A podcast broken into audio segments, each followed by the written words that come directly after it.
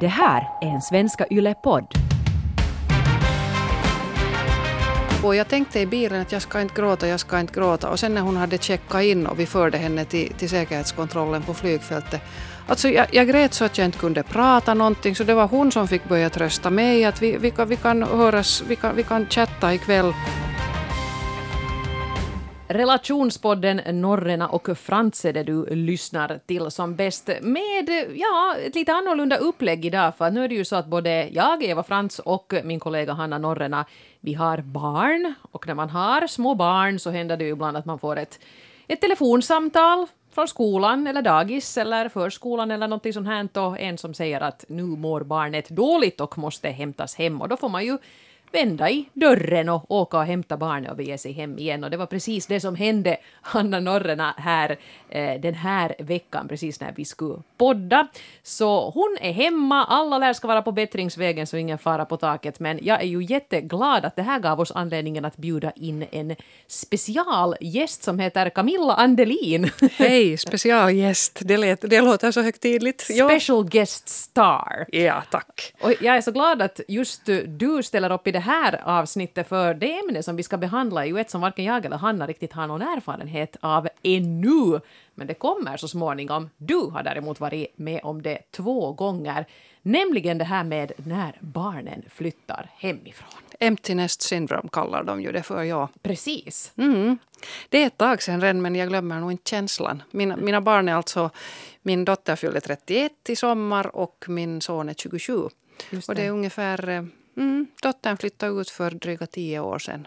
Och det var ju då som det kändes mest. Anledningen till att vi tog upp det här ämnet för första gången för det är ungefär ett år sedan som Hanna intervjuade den här svenska författaren Linda Skugge. Och då la vi också ut ett sånt här likadant formulär som vi alltid har ute när vi gör relationspodden, var vi frågar publiken att hur upplevde du det när barnen flyttade hemifrån?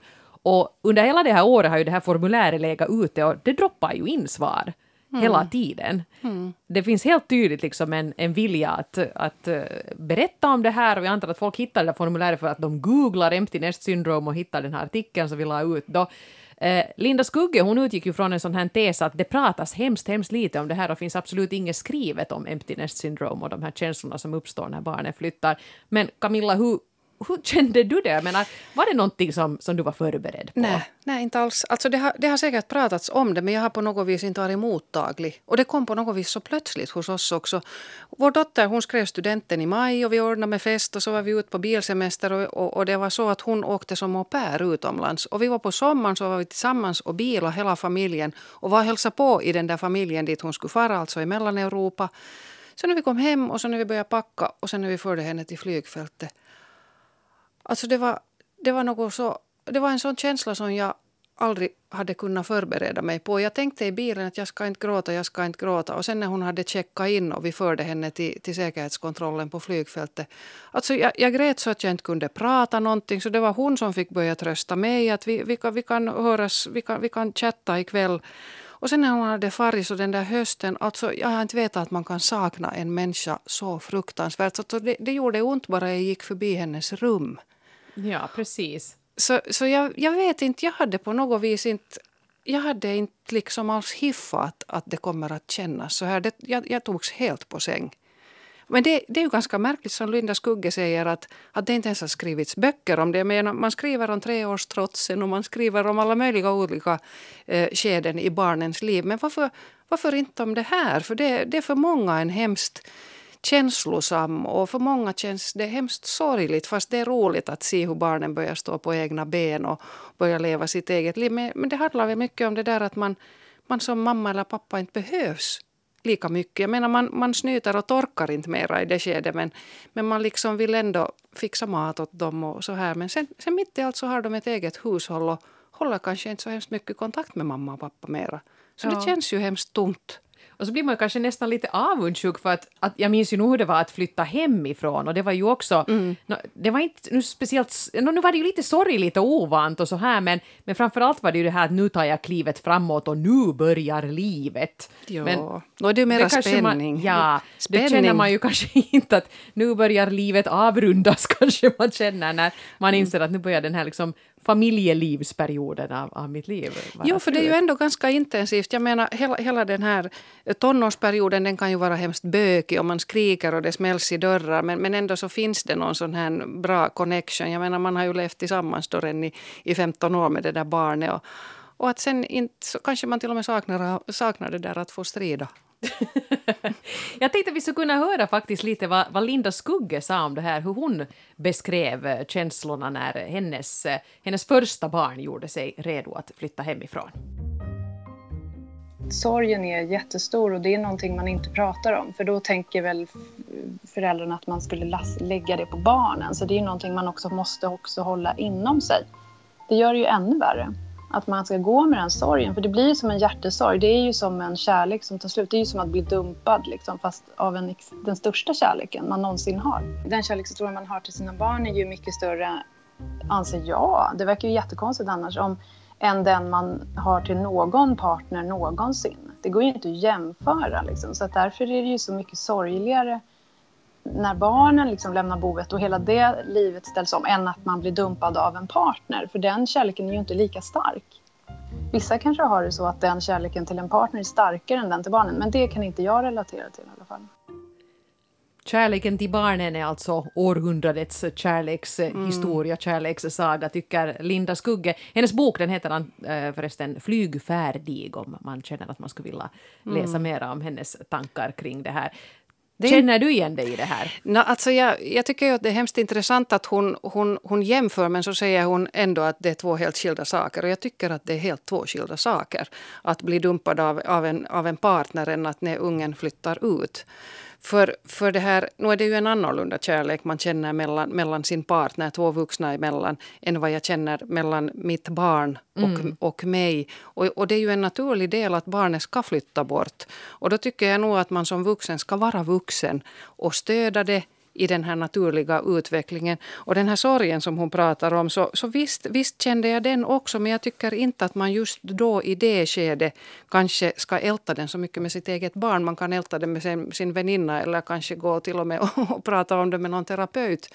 Men jag tycker att man inte ska belasta barnet utan stödja det och, och liksom hjälpa och vara hemskt lyhörd sådär att, att vad behöver du hjälp med men inte kanske tränga sig på utan låta, släppa iväg liksom fågelmamman ur fågelboet. Inte håller de heller i sina ungar. Nej, det där tror jag är en jättebra poäng för att inte är det ju hemskt roligt att försöka ta klivet ut i vuxenvärlden om man har en storbrölande mamma som, som mm. klamrar sig fast i en. Sen Men nu det, tycker jag ju mm. man ska mm. få gråta lite på flygplatsen. Jo, no, det tycker jag. Det tycker jag nog också. För jag menar, då, då visste jag att då ser jag inte min dotter på, på fyra, fem månader. Då ska man få gråta. Men så där om man bor ungefär i samma stad eller den andra flyttar, mm, låt oss säga från Helsingfors till Österbotten eller tvärtom. Så jag menar, förbindelserna är så bra i dagens läge, riktigt fysiskt. Man kan åka tåg och man kan skypa och det ena och det andra. Nu, nu kan man ju säga att, att jag har ledsamt efter dig men du ska ha det bra. Men, och, och, kanske lite gråta, men, men inte på det sättet att barnen ska känna att, att jag, måste, jag måste hålla på att trösta mamma här nu när jag, samtidigt som jag försöker bygga ett eget bo åt mig. Och sen, är, sen är det säkert skillnad på också att om man är ensamstående och, och, och, barnen sticker iväg och man blir alltså helt ensam i, hu, i hushållet. Mm, så mm. då känns det säkert värre än, än om man har kanske småsyskon eller, eller mm, man har mannen där, partnern där. Så, så, så då, då är det kanske annorlunda. Men om man blir helt ensam så det blir en ganska stor kontrast. Det är nog en jättestor kontrast. Att man mitt i allt är fri sen och inte alls behöver fundera på att, att barnet vill ha mat nu eller borde jag fara hem. Att man är mitt i allt fri som fågeln. No, vi gjorde ju nu förstås då som vi brukar. Vi frågar er på nytt, ni i publiken, hur ni tänker kring det här empty syndrome, hur det känns när barnen flyttar hemifrån. Vi har fått, alltså det är sällan vi får så mycket svar på mm. frågor som vi ställer, men här har faktiskt det kommit in mängder av massor och vi har försökt nu plocka några stycken av dem. Och vi skulle kanske kunna börja här med Farsa 47 som, ja, han, han tar nog det här ändå ganska osentimentalt. Han skriver så här. Jag har ingen aning om hur det är när barnen flyttar hemifrån, men som ensamstående pappa kommer jag att tycka det är skönt att de flyttar och jag får lugn och ro och kan varva ner. Mm, ja. Vi ska se sen hur det känns. Ja, vi ska prata med farsa 47 sen, sen när de har farit. Sen är här en annan, Solveig 72, jag tycker hon, hon har en festlig jämförelse. Det kändes vemodigt, skriver hon. Tänkte som tröst på djuren. Lejonmamman till exempel. Hon fräser åt sina halvvuxna ungar och bara går sin väg. Ingen sentimentalitet när avkomman ska ut i livet där inte. Mm. Ja, det the circle of life, Ja, som man säger i Lejonkungen. Mm. Och det finns ju, jag menar, alla reagerar på olika sätt. Alla familjer är olika. Sen finns det ju de här barnen som, som i rena trotset sticker iväg som 16-åringar för att, för att liksom det bara inte går att, bo, går att bo under samma tak som mamma och pappa. Och så sticker de iväg. Jag menar alla konstellationer och alla situationer är så hemskt olika. Så därför finns det ju så hemskt många olika sätt att reagera på det också. Jag, jag tror att sån här kamratstöd, prata med någon annan människa i samma situation, jag tror att det kan vara det bästa. Vi skulle kunna här läsa upp ett brev som kom från signaturen Tacksam men sorgsen. Min dotter flyttar hemifrån efter fyra dagar. Jag känner att det blir så tomt utan henne i vårt hem.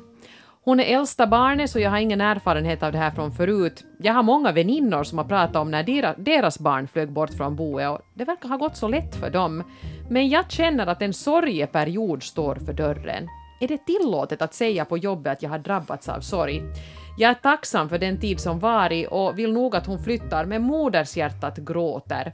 Jag kommer nog att gråta tårar när jag vinkar farväl. Får en mor gråta? Eller ska jag hålla det inombords och inte visa henne? Min mor grät inte öppet när jag flyttade.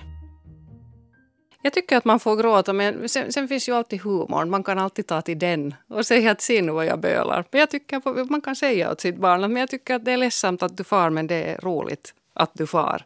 Precis. Mm. Och som jag sa här, jag menar man kan ju hålla kontakt i alla fall.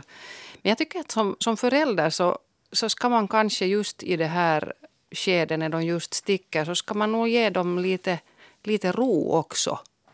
Och kanske låta dem ringa. Man kan ju alltid skicka ett sms att hur går det och, och så här. Men, men, men där är det ju nog mycket det här att, att när de flyttar så, så tror jag att det som känns det kändes värst åtminstone för mig själv. Jag, jag liksom började fundera att, att nu har jag 19 år uppfostrat henne. Va, har jag gjort allt rätt? Nu, nu kan jag inte liksom göra något mer. Så jag tror att det, det blir såna känslor som det kommer också. Att, att man, man tycker att nu har jag uppfostrat henne färdigt. Ja. Men har man någonsin det? Eller blir du lite glad sen om något av dina barn ringer och frågar att hur var det man gjorde det här? Ja, men alltså då, då skuttar man ju av glädje. För, och, och det är ju ofta så där att när de sticker så tar de ordentligt avstånd men sen så småningom så, så börjar de komma tillbaka och senast sen, sen när de börjar få egna barn. Jag har, jag har en, ett barnbarn som fyller två, två veckor nu här i dagarna och, en, och ett lite äldre barn, bara tre och ett halvt år. Så när hon börjar vänta sitt, sitt barn så då, då liksom upp, då, då återupptog hon kontakten på ett annat sätt. Och då, de kommer på något vis tillbaka. Sen, jag menar, det, här behöver inte gälla för alla, men så, här- så här gick det för oss i alla fall. Precis, men kanske man lite måste få vara ute och, och Ja. flaxa och försöka hitta på sina egna system däremellanåt. Jag tycker det är en så komisk grej. Jag har en, en eh, väninna som berättade att när hon flyttade hemifrån så bestämde hon att när jag har ett eget hem så då ska jag ha sådana, då ska jag ha sådana disktrasor som är sådär lite tjocka, vet du, sådär som känns lite fuktiga när man tar ut dem. Ur- svampdukar, Ja, ja. Mm. precis, för hon hade någon kompis som hade haft såna hemma. Hon hade tänkt att de där är ju mycket häftigare än de här tunna som min mamma köper. Så när hon flyttade hemifrån så det första hon gjorde var att hon köpte sådana att i mitt hem har vi sådana här tjocka Mm. disktrasor. Så märkte hon att de är ju jättedåliga, att de är mycket bättre de där som mamma har. Men hon gjorde en liten disktrasrevolution för att sen landa i att no, mamma hade nog faktiskt rätt. Ja. Sen är det ju lite rörande när man får och hälsar på hos sina barn som har flyttat bort hemifrån. Hur de har valt till och med samma liksom märkes eh, plastfilm till maten. Som, jag menar som man sätter på mat och, och liksom har, har ordnat saker och ting i köksskåpen lika som, som jag har gjort. Så då, då blir man ju nog lite sådär att hmm, ja. Vi är så som Pokémon-figurer, att i något skede evolvar vi till våra egna föräldrar, vare Ja. sig vi vill eller inte. Men jag, jag har faktiskt en fundering nu när jag har läst alla era brev och gått och tänkt på det här lite grann, för att när man pratar om uppfostran och så här så är det ju ett sånt här vanligt mantra att man ska inte, barn gör inte som man säger utan barn gör som man gör. Och vill man att barnen ska äta hälsosamt så måste man själv äta hälsosamt och, mm. och liksom alltid föregå med gott exempel. Och då började jag lite fundera att skulle man kunna applicera det på det här också? För att när jag var liten så tyckte jag att det var, jag tyckte det var lite fånigt för att jag märkte att min mamma ringde till min mommo precis varje dag så, så pratade de i telefon. Jag tyckte att kan ni nu ha något nytt att komma med att sitta där och, och snattra. Uh, och sen nu när jag är vuxen så ringer jag ju också till min mamma, inte kanske varje dag, inte kanske vi pratar så hemskt mycket heller för att vi, vi chattar lite och så här också, det finns ju olika varianter, mm. men, men vi håller en ganska tät kontakt och nu tänker jag att kanske det är bra det här att mina barn ser det här och sen när de är stora mm. och har flyttat hemifrån, att de också liksom anpassar sig till det här. Att det är klart att man tar kontakt med mamma nu dagligen och hör av sig. Ja, ja, att ja. Nu är det ju en, nu är det en bra grej. Nu är det ju modellen som, som lär. Och att man, inte, att man inte pratar illa om sin egen mamma eller pappa så, där, så, så att ens egna barn hör. För det, det blir ju också en modell. Också en bra point, ja, faktiskt. För jag menar, i, i alla människorelationer så handlar det ju om respekt. Det handlar, handlar om min respekt för min mamma och då lär man sina barn respekt också, att de ska respektera mig. Och så tycker jag att jag ska också respektera dem när de har sitt egna hem. Jag ska inte, jag ska inte gå och hälsa på dem kanske utan att lite varna i förväg. För det kan hända att de har världens fest på gång där när jag kommer dit en lördagkväll och jag inte har meddelat det på förhand. Här kommer mam med lite saft och te som mamma har kokat. Ja, så jag tycker att liksom respekt åt alla håll och att, och att alla, alla är lyhörda. Och, och, där, där måste man ju säga att, att de som ju minst kan om, om människorelationer så det är, ju, det är ju de där som just har flyttat. Så där kan man kanske inte förvänta sig lika mycket respekt som man som förälder kanske borde visa mot dem. Och nu lär de sig med, med tiden sen att, att respekt är någonting som, som bär långt. Jag tänker lite också det här, jag menar den vägen som ju många går när man flyttar hemifrån är ju att man kanske börjar studera, man har liksom nya kompisar och sånt här. Och då kanske man under en period lever ett sånt liv där man nu inte tycker att mamma och pappa skulle behöva total insyn i precis allt man har för sig. Mm. Och då mm. kanske man också som förälder måste lite bita ihop att att nej, han svarar inte i telefon nu fast klockan är nio på söndag morgon. Att kanske mm. jag nu inte ska liksom ringa efter polisen utan det kan ju nog faktiskt hända att han måste sova lite nu.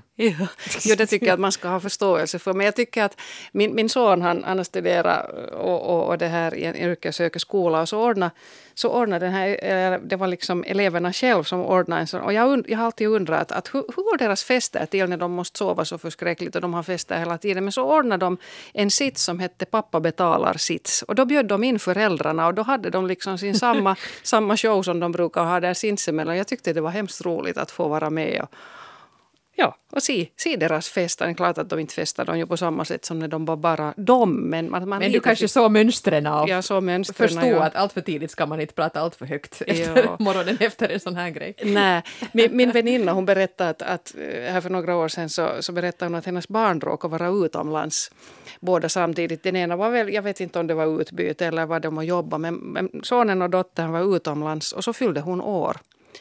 Och ingen av barnen hörde av sig. Och hon, hon fick sån där liksom tudelade känslor att ska jag vara glad nu att de har, de har ett så roligt liv att de inte ens kommer ihåg min födelsedag men samtidigt känns det lite ledsamt. Men sen, sen några dagar senare så började de höra av sig, dottern och sonen. Och var liksom, sorry, sorry mamma, att jag, jag glömde men, men, men, men. Så hon liksom tog det ändå som en positiv sak. Men just, just då på födelsedagen så hade hon lite nog väntat sig att de skulle höra av sig. Men hon, hon, hon sa att tystnad kan ibland vara också ett tecken på att de har jätteroligt. Ja. Oj, vad edel hon är. Oj, vad jag skulle ha martyra. ja. Jaha. Mm, så, så, så kan det också fort glömde ni bort lilla mamma som har ja. Ja. närt er och klätt mm. er och värmt er och tagit hand om Ja, att skuldbelägga sina barn i det där skedet, så det tycker jag att det är kanske fel väg att gå. Klart att det är, men jag mm. tror nog att det är ganska lätt att trilla dit. Det är nog lätt, ja. Man, man liksom vill lite sätta tacksamhetsskuld på dem för allt man har gjort under de här åren. Men, ja, men man ska kanske vara försiktig med det. Lite kämpa emot. Ja. Jag tycker vi fick ett, ett roligt och ganska långt eh, brev här av signaturen Sussi49.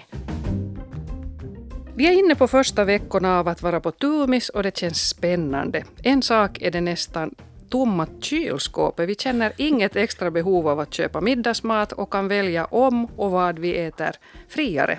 Det verkar bli mera grönsaksbaserat och mindre köttfritt dessutom. Nu har vi flera gånger slått högfemmor tillsammans då vi kan vara så nöjda och förundrade över de duktiga unga förmågor vi lyckats skapa som börjar stappla sig fram med sina egna förmågor. Helt suveränt att få följa med på avstånd, ha ett gott förhållande sinsemellan och förvisso nog förbereda oss på att stå till pass en hel del gånger ännu så länge vi lever. Men än värre är det nog då en förälder helt enkelt vägrar släppa taget och fortfarande tror sig vara till någon nytta då hen rådger. Föraktfullt tillrättavisar och inom citationstecken uppfostrar sina över 50-åriga barn. Då går talesättet om du inte kan vara ett gott exempel var då en vidrig varning i uppfyllelse. Hej du vuxen, skaffa ett liv. Jag, jag, tror det var faktiskt ganska många som nämnde den här detaljen om att när barnen flyttar hemifrån så börjar man ju äta helt andra grejer ja. och köpa mycket mindre mat. Ja, ja det och att man övergår mer till grönsaksbaserat. Varför har inte man kunnat göra det så länge barnen bodde hemma? för att man ger upp, för att de inte äter och för att ja, man mm. köper inte hemskt mycket sådana här frysta pommes frites kanske sen och något mera. För att... Men det som hon ju, hon, hon säger inte direkt här Sussi, men, men det här att man mitt i allt är man på tumis. Hela, hela livet har ju kretsat så hemskt mycket kring barnen och föra och och, och, finansiera och, och det ena och det andra. Mitt i, man är, mitt i allt är man på tumis och, och så ser man kanske på sin partner att vem är du? Precis.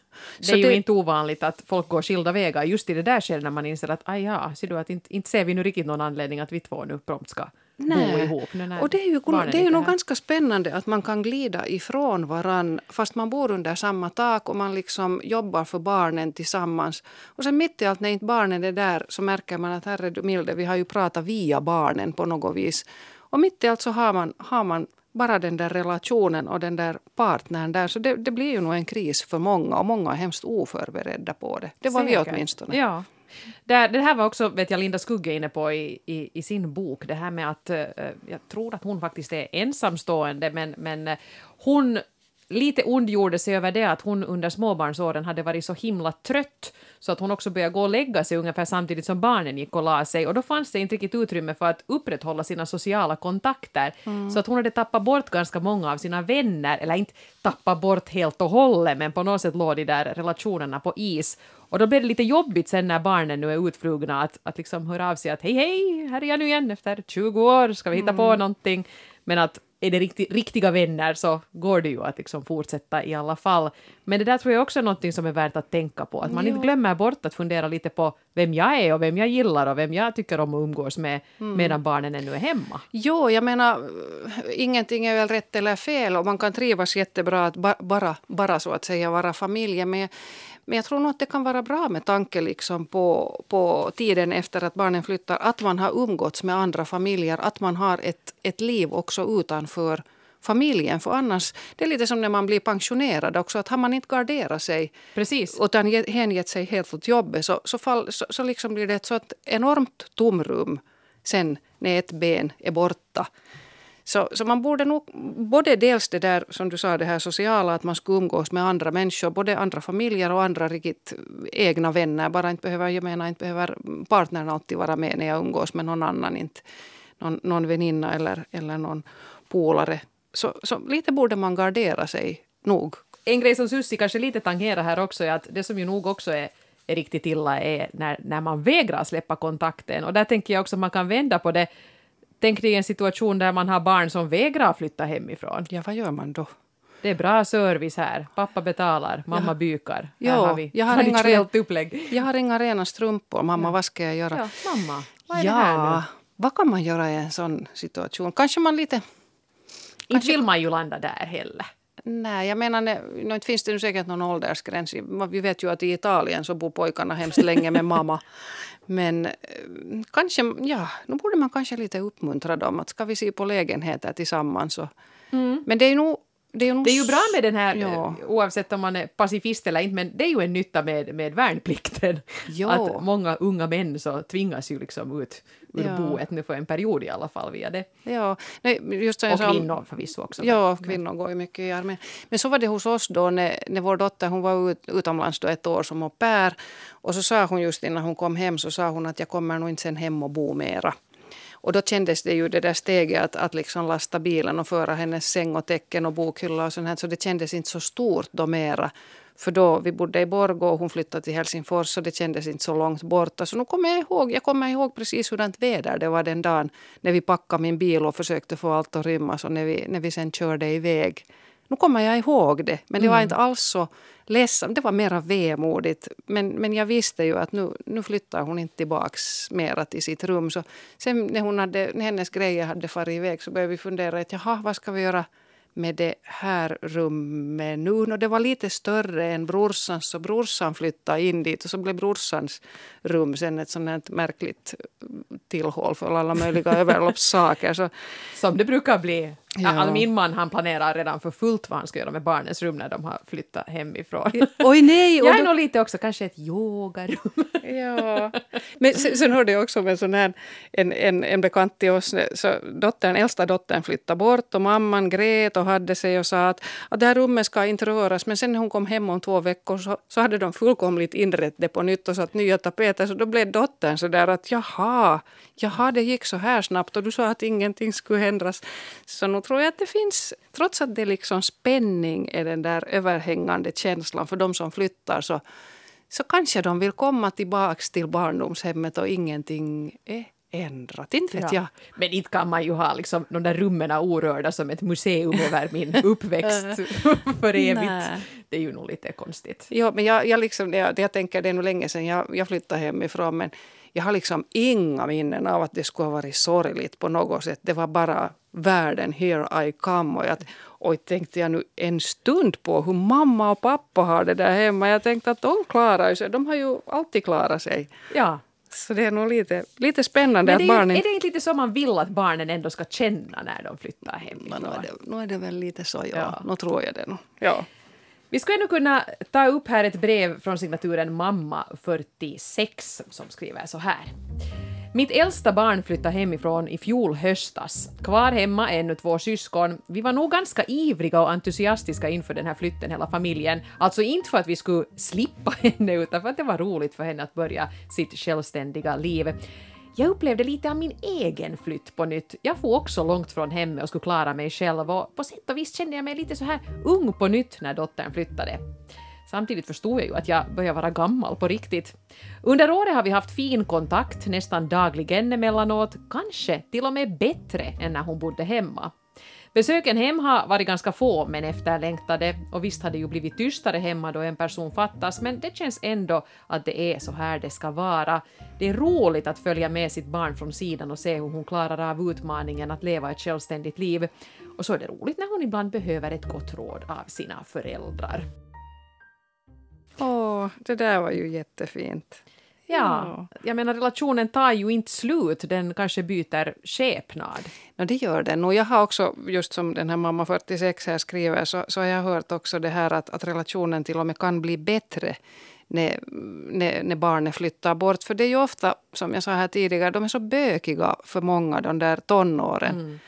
Och man vill liksom ha en sån känsla av att jag vill, inte, jag vill inte berätta åt morsan det här nu. Och man liksom börjar lite stänga in sig. Men, för det är ändå naturligt att man, man vill bli självständig och man vill inte liksom rapportera allt åt mamma. Sen kan det vara, när man lite får distans så kan det kännas helt ok att, att prata med, med morsan som, som ändå, nu är det ju en jätteviktig människa som, som man har där och, och en liksom potential till ett gott stöd.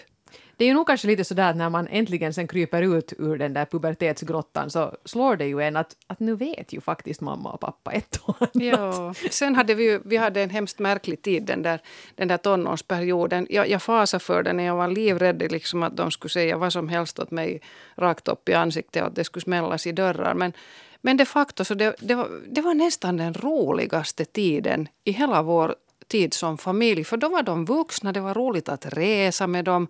Det var inte så där att mamma, hur många timmar har vi kvar än och jag har kissibrott och jag är hungrig. Utan de var, de var intresserade av vad det syntes ur tågfönstret och, och bilfönstret. Och man eh, kunde diskutera, man kunde diskutera till och med politik med dem och sånt här. Mm. Så det var, jag tyckte att det var en hemskt rolig period och det var kanske därför som jag sen sörjde att att den tog slut. Att nu, nu var vi inte liksom, vi, vi, vi fyra satt inte där i soffan efter lördagsbastun mera utan nu är de borta. Jag kommer ihåg att det kändes hemskt också sista nyåret som vi alla fyra firade tillsammans. När hon liksom satt, satt med sin telefon och sa att jag, skulle nog, jag skulle nog vilja vara med mina kaverer nu. Och jag tänkte att nej men, vi ska vara familjen här nu.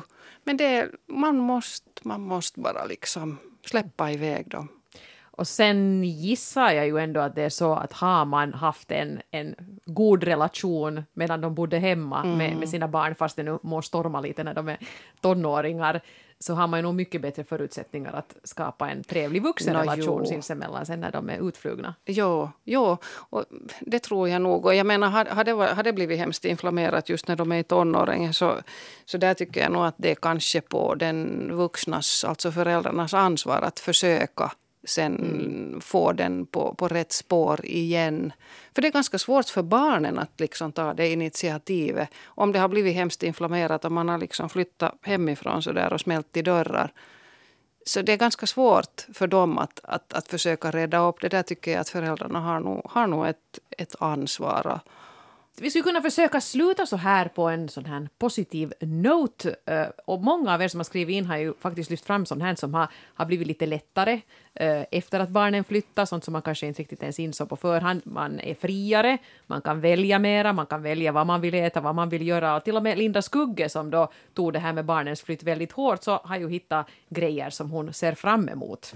Ja, nej, men någonting jag verkligen ser fram emot är ju och det här skala ner som är så trendigt. Så att eh, göra mig av med alla prylar och bo så här extremt litet och billigt. Bo väldigt, väldigt billigt för då behöver man inte jobba lika mycket. Så då kan man vila och göra, leva på ett helt annat sätt. Inte äga någonting nästan. Bara, egentligen bara bo i en etta, du vet så någonstans. Inte, det, kan vara, det behöver inte ens vara Stockholm då, för då behöver, nu måste jag ju bo här för barn. Jag tänker inte lyfta ut, liksom, mina barn har ju rotat sig här och bla bla. Men sen kan jag kanske flytta någon annanstans där det är jättebilligt. Det ser jag fram emot, att leva, det är så minimalist-tanken. Ja, minimalisttanken är nog hemskt svår, åtminstone när man som jag har en 13, en 10 och en 0-åring hemma. Mm. Den där tanken köper jag kanske inte riktigt. Inte vet jag, ja, no, alla gör ju som de vill men inte vet jag liksom varför jag skulle börja ändra på mitt liv och, och leva hemskt minimalistiskt. Jag menar jag lever inte på något vis i överflöd. Men, men jag tycker att det är så skönt att kunna inreda och sånt här att man behöver inte ta fyra människors person, vad heter det, åsikter i beaktande. Men det är kanske lite samma sak, man behöver inte ständigt kompromissa utan man får Nej. bestämma själv på ett helt annat sätt. Ja, så det är nog skönt. Och det, det man måste bara komma ihåg att det, det är livets gång, så här ska det vara. Men nu borde vi ju prata mycket mer om det här liksom i, med våra vänner och, och böcker tycker jag och sådana alla möjliga rådgivnings vad heter det, tjänster och sånt här.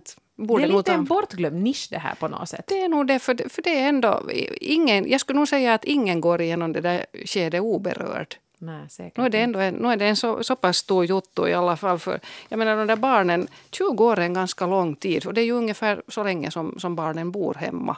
Jag menar en del sticker lite tidigare och mm. andra lite senare. Men ungefär ett 20-årigt projekt är det ju. Om det inte alls känns när, när, när, man liksom flyttar skilt från varandra så, så skulle det vara hemskt konstigt. Absolut. Ja, nu ska det kännas. Nu ska det kännas. Camilla Andelin, tusen tack för att du kom hit till Relationspodden idag. Det var jättekul att ha dig här. Tack, jag kommer gärna en gång till och, och pratar om sånt som jag har varit med om. och nu ty tycker jag att vi måste liksom passa på att göra lite reklam också. Det här kanske många av er redan vet om. Uh, men många av er som lyssnar på Relationspodden och som har familj, så jag hoppas nu att ni också har upptäckt, upptäckt den här familjekvällen i Yle Vega på onsdagar som du, Milla, ja. är programledare för. Ja, varje, varje onsdag kväll mellan halv sex och sju så tar vi upp alla möjliga ämnen. Det, alltså det handlar om föräldraskap, allt från nyfödda till tonåringar som flyttar ut. Och, och, och så pratar vi också om lite ur farmors och mormors synvinkel. Och, och nu kommer vi att ha här nu de närmaste dagarna så kommer vi om att prata om när, när barnet far som utbyteselev. Och, vi, och senare här i höst så ska vi också prata om barn och kost. Varför är en del barn hemskt kinkiga? Vad, vad är egentligen bra baskost för barn? Och, och sånt här. Och sen, sen har vi också på lördagarna så har vi också familjeinnehåll. Ibland eh, hör det ihop med det som vi har på onsdagen men ibland är det helt separata grejer. Så alla ni som är intresserade av familjeinnehåll så vi har det på Vega onsdag kväll och på lördag och sen här i den här podden. Absolut. Så ni som bara har hittat podden och hemskt sällan lyssnar på Vega, dags för en ny rutin i höst för det här är jättefina program som jag tycker att ni inte ska missa. Och de finns ju också på arenan om ni nu inte sitter så där i realtid och lyssnar. Tack så mycket Milla och tack så mycket till alla er som skrev till oss den här veckan och som lyssnar på den här podden. Jag tror att ordningen ska vara återställd igen nästa vecka och både Norrena och Frans vara på plats här i studion och fram tills dess så ska ni ha det riktigt bra.